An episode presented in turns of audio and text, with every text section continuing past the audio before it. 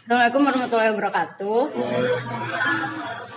Selamat pagi semuanya. Terima kasih telah datang pagi-pagi uh, untuk sharing session kali ini. Jadi untuk sharing session kali ini saya Syadi Amna dari marketing akan membawakan tema tentang ah, jangan lupa akan membawakan tema tentang tiga jenis doa. Jadi tuh uh, pakai gue atau pakai saya sih?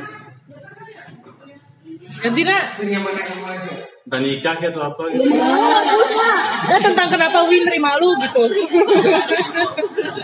Atau tentang jomblo yang lama gitu.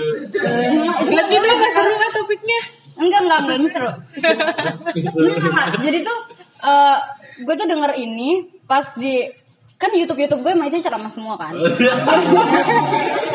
jadi gue Enggak jadi gue beneran dengerin Ustadz Somad terus dia dia cerita tentang uh, sebenarnya tuh semua doa tuh bakal dikabulin gitu. Terus gue jadi kayak penasaran emang iya ya gitu. Karena kan pasti kalian juga ada di masa-masa di mana kayak doa berkali-kali tapi kok kayak belum dikabul-kabulin juga padahal udah usaha gitu. Jadi tuh si Ustadz Somad bilang kalau misalkan doa itu ada tiga jenis. Yang pertama tuh yang direct. Jadi kayak lo doa terus saat itu juga dikabulin kayak please dong hujan hujan hujan tiba-tiba hujan. Terus yang kedua adalah doa yang ditunda karena nunggu kitanya siap. Pasti kalian udah pernah dengar kayak yang anak minta pisau, terus ibunya ngasihnya tuh ibunya nggak ngasih bukan karena nggak sayang tapi emang nunggu anaknya gede dulu untuk tahu pisau itu kegunaannya buat apa. Eh, sampai karena kalau misalkan anaknya dikasih saat itu juga waktu masih kecil itu kan bisa ngelukain, ngelukain anaknya gitu. Terus yang terakhir itu adalah doa yang ditahan atau eh, dalam tanda kutipnya di apa ya diganti karena eh mas aja deh. Lanjut terus doa yang ditahan atau diganti karena eh, mau diganti sama yang seribu kali seribu kali lipat lebih baik daripada apa yang kita doakan. Tuh nah. Jadi gue tuh mau cerita di poin yang ketiga ini. Ini tuh gue ngerasain banget hal ini karena jadi waktu itu kan gue ikut SBMPTN nih. Jadi tuh gue tuh orangnya kan planner gitu ya. Jadi serius serius. Jadi tuh gue udah bayangin kayak satu sampai dua tahun tuh gue mau ngapain gitu mau jadi apa gitu. nah jadi waktu gue SMA tuh gue udah tahu oh gue tuh pengen kuliah komunikasi di luar Jawa. Maksudnya di luar Jabodetabek. Karena eh, gue mikirnya kalau misalkan gue tinggalnya di Jabodetabek kalau gue tinggalnya di rumah pasti gue nggak bakal berkembang gitu. Jadi gue pengen tinggal di luar. Ya udah akhirnya eh, ikut les inten yang kayak lebih parah daripada sekolah terus kayak tiap hari hah? Inten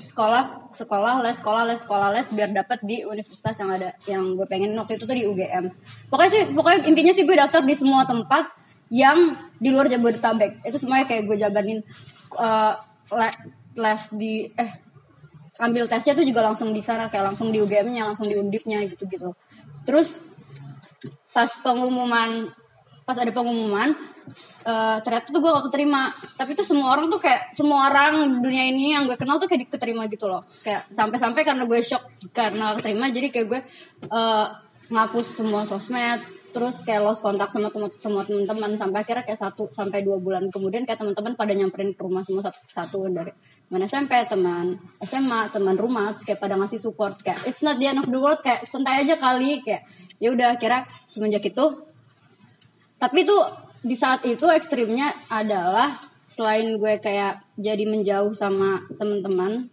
itu gue jadi kayak kesel gitu loh sama sama Allah. Karena gue ngerasa kayak apa sih maksudnya? Kayak kurangnya di mana salahnya di mana gitu. Sampai akhirnya kok kayak gue ngeliat teman-teman gue yang biasa aja kok bisa dapet? Yang kayak gue ngeliat kayak mereka juga main-main aja kok bisa dapat gitu. Terus akhirnya karena banyak support dari orang-orang luar gue kayak oh ya udahlah. Masih banyak orang yang punya masalahnya tuh lebih parah daripada lu nggak nggak dapet kuliah gini. Terus akhirnya dikasih pilihan sama orang tua mau lanjut kul eh, mau kuliah tahun ini tapi ngasal aja gitu atau mau kayak eh, postpone dulu gap akhirnya gue pilih gap kan terus di saat itu dapet tuh DNF Ronin. Di situ kan belajar sama teman-teman ketemu lagi sama teman-teman baru yang mereka tuh senasib gitu kan sama kita.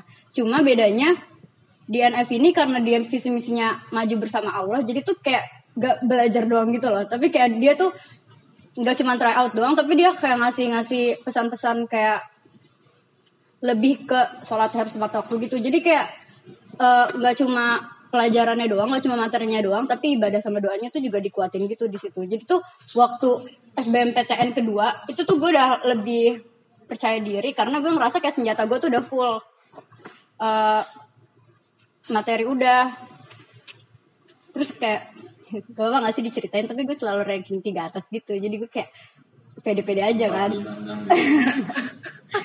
Jadi kayak ya udah materinya udah eh, doanya udah ada restu orang tua ada terus kayak apalagi gitu kan. Eh terus pas pengumuman datang kayak sama ibu gue kayak ayo baca ayat kursi dulu tiga kali sebelum dibuka gitu. Terus kayak udah baca udah sholat duha dan lain-lain ternyata terima dong. Terus gue kayak langsung astagfirullah gitu. Kayak itu gue kayak bener-bener mandi nangis sholat nangis kayak nangis mulu. Tapi tuh di situ gue karena ada apa ya karena udah ada backupan eh backupan apa sih? Kayak udah lebih kuat daripada sebelumnya. Jadi tuh gue nggak nggak malah jadi jauh sama Allah. Malah gue tuh gue jadi kayak baca Quran terus kayak sholat terus kayak nyari nyari kenapa sih ini? Kenapa? Kenapa ini? Salahnya di mana? gitu.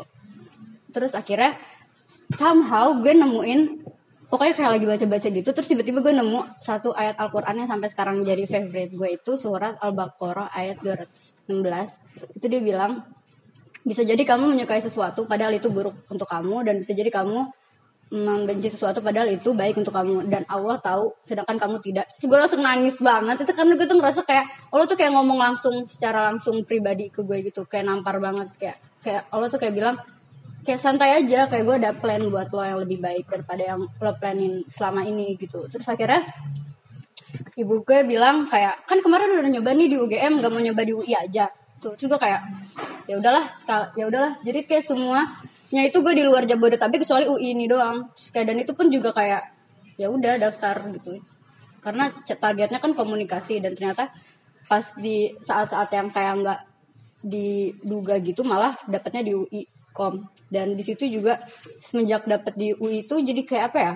Kayak jadi jackpot aja gitu. Kayak jadi kayak semua rezeki tuh kayak ada aja gitu kayak keterima di magang di sana sini terus juga jadi lebih dekat sama keluarga. Terus kayak kemarin kan umeh nenek dari bapak gue kan meninggal. Padahal tuh dia tuh selama ini tinggalnya di Lampung tapi untuk satu tahun kemarin tuh tinggalnya di sini gitu loh. Jadi kayak gue bener-bener ada waktu satu tahun full sama dia. Kayak gue nggak bayangin kalau misalkan gue tinggal di luar Jawa itu kayak gue nggak bakal ada waktu buat kayak gitu. Jadi kayak intinya kalau misalkan kalian lagi ada di posisi di mana kalian merasa kayak udah doa udah usaha tapi nggak pernah tapi kayak nggak ada hasilnya gitu kayak it's okay guys. Just chill. Karena kayak di surat al di surat al anfal ayat